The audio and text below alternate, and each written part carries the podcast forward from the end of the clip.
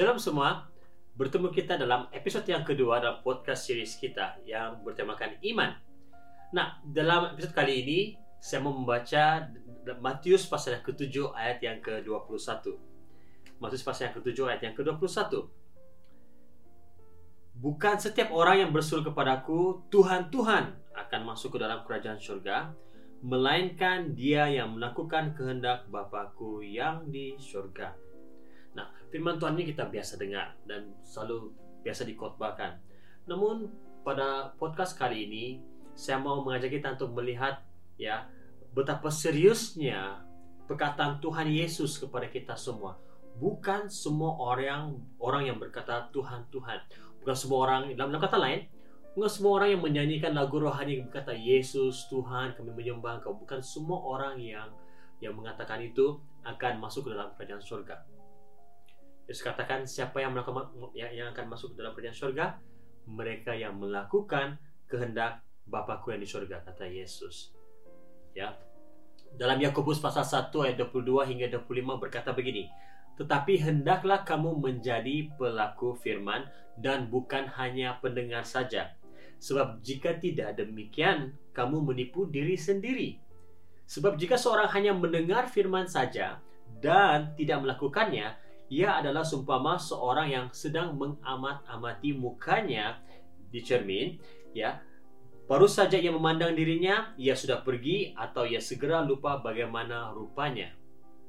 Tetapi barang siapa meneliti hukum yang sempurna, yaitu hukum yang memerdekakan orang dan ia bertekun di dalamnya, jadi bukan hanya mendengar atau melupakannya, tetapi sungguh-sungguh melakukannya, ia akan berbahagia oleh perbuatannya. So, um, pada pada episode kali ini saya akan bicara mengenai topik ini, iman bandel. Nah, iman bandel mungkin ada beberapa di antara Anda tahu apa itu maksudnya bundle. Nah, bagi Anda yang tidak tahu, bundle itu adalah istilah yang digunakan untuk uh, barang-barang bekas yang sudah pernah kena gunakan ataupun second hand. Nah, sebagai seorang pelajar, saya pernah uh, membeli uh, sepasang kasut sneakers, okay, jenama terkenal, tapi bundle. Kenapa saya beli itu bundle second hand dan bukannya yang baru? Karena harganya murah. Ya, jauh lebih murah daripada harga yang baru.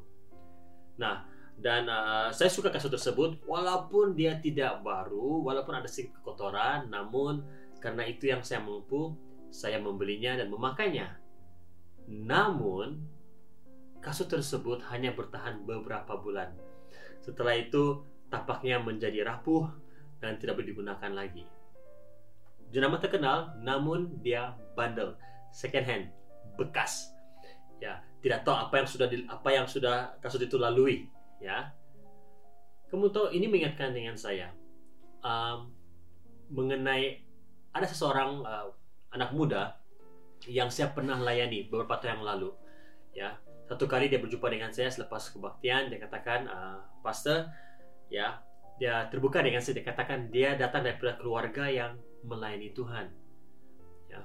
Namun dari kecil sampai dia besar dia sedar bahwa dia hanya tahu melakukan activity-activity atau pekerjaan-pekerjaan uh, di gereja, ya pelayanan-pelayanan di gereja, namun dia tidak mengenal siapa Tuhan Yesus itu secara pribadi. Ya. Jadi apa yang saya lakukan, saya bimbing dia sekali lagi, saya bawa dia datang kepada Tuhan, berdoa buat pengakuan dan menerima Yesus sebagai Tuhan dan Juru Selamatnya. Sejak hari itu dia mulai sungguh-sungguh belajar firman Tuhan, bukan hanya belajar tapi dia berusaha untuk melakukan firman Tuhan. Ya, firman Tuhan yang selama ini dia hanya hafal, dia hanya dengar, tapi kali ini dia mau melakukannya. Mungkin ada di antara kita dilahirkan dalam keluarga Kristen. Tapi iman kita adalah iman bandel. Maksudnya bukannya iman daripada hubungan kita secara pribadi dengan Tuhan, tetapi iman daripada ibu bapa kita, ya Uh, daripada uncle anti kita ataupun datuk kita yang mungkin seorang pastor atau hamba Tuhan yang melayani di gereja. Tuhan mau ada hubungan pribadi dengan kita semua. Bapak saya memanggil Tuhan sebagai Bapa. Ya. Mendiang datuk saya memanggil Tuhan sebagai Bapa. Saya memanggil Tuhan sebagai Bapa. Dalam kata lain, Tuhan mau memiliki hubungan pribadi dengan setiap kita. Jadi, kalau Anda membesar dalam keluarga Kristen, ingat, iman Anda itu haruslah Anda kerjakan secara pribadi. Pengenalan Anda akan Tuhan, hubungan dengan Tuhan haruslah Anda bangun secara pribadi. Ya. Ya, saya mau tutup dengan ini. Ya.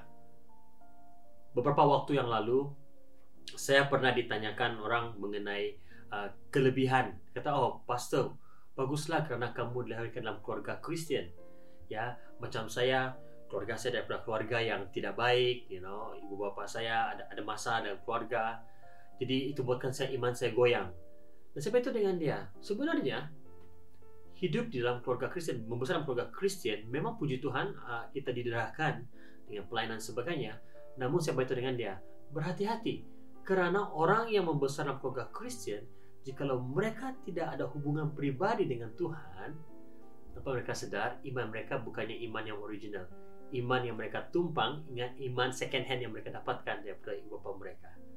Dan seperti firman Tuhan katakan, Jangan heran jikalau uh, waktu Tuhan Yesus datang berkatakan bukan semua orang yang berseru Tuhan Tuhan akan masuk dalam kerajaan surga. Ya. Tuhan mencari orang yang melakukan kehendak Bapaknya di surga. Dan ini berbicara mengenai hubungan kita dengan Tuhan secara pribadi. Jadi doa saya agar Anda semua memiliki iman yang asli, bukan second hand, bukan bekas, bukan yang diwarisi tapi iman Anda secara pribadi Anda hubungan melalui hubungan Anda dengan Bapa di surga. Mari kita berdoa bersama-sama.